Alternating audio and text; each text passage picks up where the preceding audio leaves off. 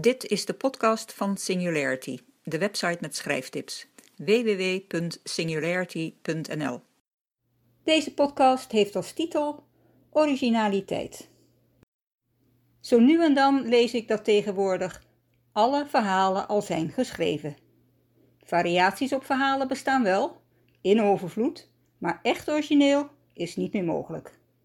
Shakespeare heeft wat er in zijn tijd nog beschikbaar was opgemaakt, maar dat was het dan. Alle verhalen zijn op. Hmm. Waren de eerste verhalen met aliens dan niet origineel? Oh, wacht, die zijn natuurlijk een variant op heksen, duivels en andere monsters. Maar die boeken over bijna doodervaringen dan? Varianten op het binnentreden van de hemel, het Walhalla of andere paradijzen na de dood. Of het klopt dat alle verhalen al zijn geschreven, ik weet het niet. Het lijkt me lastig om het ja te bewijzen, maar net zo lastig om het nee te bewijzen. Want wanneer is een verhaal geen variant meer, maar een echt nieuw, origineel verhaal? Ik denk dat er geen harde scheidslijn is. Maar het maakt niet uit. Originaliteit zit niet alleen in een verhaal dat nog nooit verteld is, maar ook in originele varianten.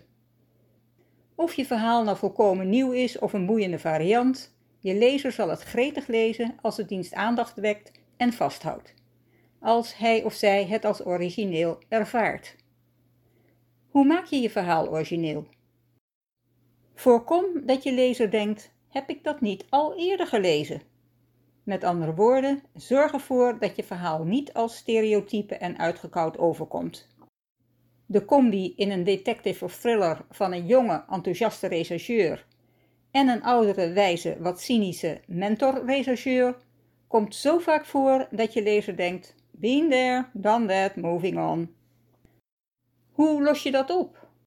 Door dingen anders te doen dan gebruikelijk. Ja, de, denk je nou, maar hoe dan? Ik geef je hier een paar tips. Ten eerste, geef je cliché-personage een paar eigenschappen die niemand bij hem of haar zou verwachten en sowieso ongebruikelijk zijn. Geef hem tegengestelde eigenschappen. Hij is een kleingeestig, onbetrouwbaar sujet, absoluut niet likable, maar hij draagt zijn vrouw op handen en is zacht, zorgzaam en lief voor haar. Of neem Leon, de film waarin de gelijknamige huurmoordenaar emotieloos moordt, maar, vreemd genoeg, een emotionele band heeft met een plant en die overal mee naartoe neemt. Heerlijke film. De volgende, draai de stereotype mannen-CQ-vrouwenrollen om. Laat bijvoorbeeld een vrouw de prins redden. Of verander de rollen van de protagonist en de antagonist. De antagonist blijkt een held te zijn, terwijl de protagonist, je hoort het al aankomen, zich ontpopt als de slechterik. Nog één. Kijk wat de standaard is in je type situatie of personage of verhaalontwikkeling en verander dat in het tegenovergestelde. Neem bijvoorbeeld zombies. Die waren in films vroeger altijd half vergane, langzaam strompelende, levende doden. Maar toen kwamen er een zombiefilms waarin zombies razendsnel waren. Mooi voorbeeld van een film, Train to Busan. Of niet alleen maar geïnteresseerd in het verslinden van je hersenen en zelfs liefde konden voelen. De film Warm Bodies. Of, idee, wat dacht je van mensen die gevaarlijk blijken te zijn voor lieve knuffelzombies? Nog eentje. Laat de verteller, al dan niet een personage in het verhaal, iets anders zijn dan een levend mens.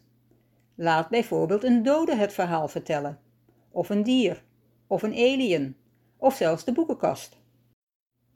Tot slot, maak je verhaal zo onconventioneel en verrassend als je maar wil. Alles kan, zolang het maar geloofwaardig is. Ik ben aan het einde gekomen van deze aflevering. Veel plezier en tot de volgende. Oh ja, vond je het leuk? Heb je er wat aan? Maak me dan blij door het te delen. Dankjewel.